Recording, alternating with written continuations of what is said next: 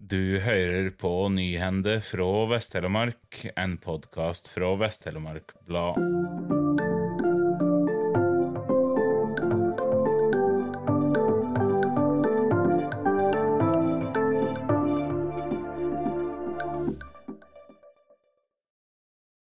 Torsdag gikk kommunestyret kvitt seg inn for å kjøpe en leilighet i Grønlihagen. Skarve eiendom vil bygge tolv utleieleiligheter i Kviteseid sentrum. For å komme i gang med bygginga har banken sett som vilkår at halvparten av bostadene skal være selde før de åpner byggelånet. Skarve hadde solgt fem leiligheter og trengte ett sal for å realisere prosjektet. Utbygger var i kontakt med Kviteseid kommune om å kjøpe én leilighet. Dette er et viktig prosjekt for Kviteseid. Det er behov for flere bosteder i kommunen. Ved realisering av prosjektet blir det tolv nye leiligheter i Kviteseid sentrum, skriver kommunedirektør Laila Thorsen i saka til politikerne.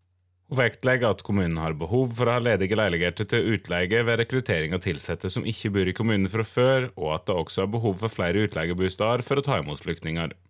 Kommunedirektøren mente kommunen burde kjøpe én leilighet med tre rom, slik at det er plass til mindre familier. Politikerne gikk samrøstes inn for å kjøpe en bostad i Grønlihagen. Prisen er på 3 650 000 kroner.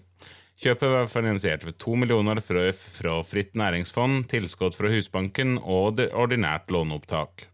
I brevet til kommunen skriver Skarve Eiendom at de vil sette i gang med grunnarbeid straks det er skjelt nok leiligheter. Torsdag handsama kommunestyret i Vinje tilstandsrapporten for Vinjeskolen.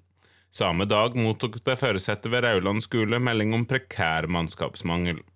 Forrige skoleår merka Vinje for første gang på alvor at landet er i en alvorlig situasjon når det gjelder bemanning og rekruttering i oppvekst- og omsorgssektoren.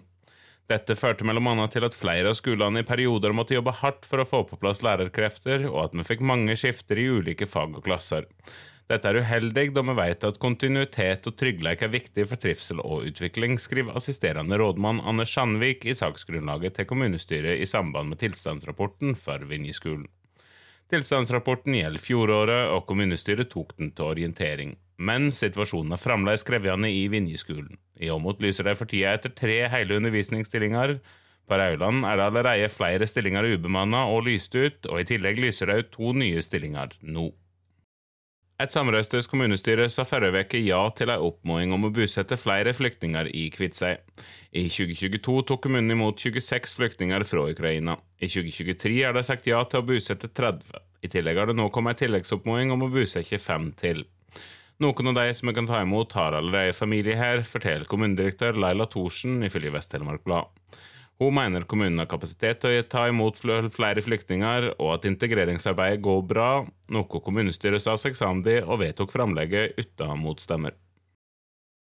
Politikerne i Kviteseid er positive til en satsing på solfangere og energibrønner i Brunkeberg. Det vil bli et veldig framtidsretta industriområde, forteller Tarjei Gjelstad til Vest-Telemark Blad. Han er seniorrådgiver i Eining for teknisk drift i Kviteseid kommune, og jobber med planer om egenproduksjon av strøm på industriområdet i Bronkeberg. Politikerne er positive til at Kviteseid kommune nå går videre med detaljplanlegging av prosjektet.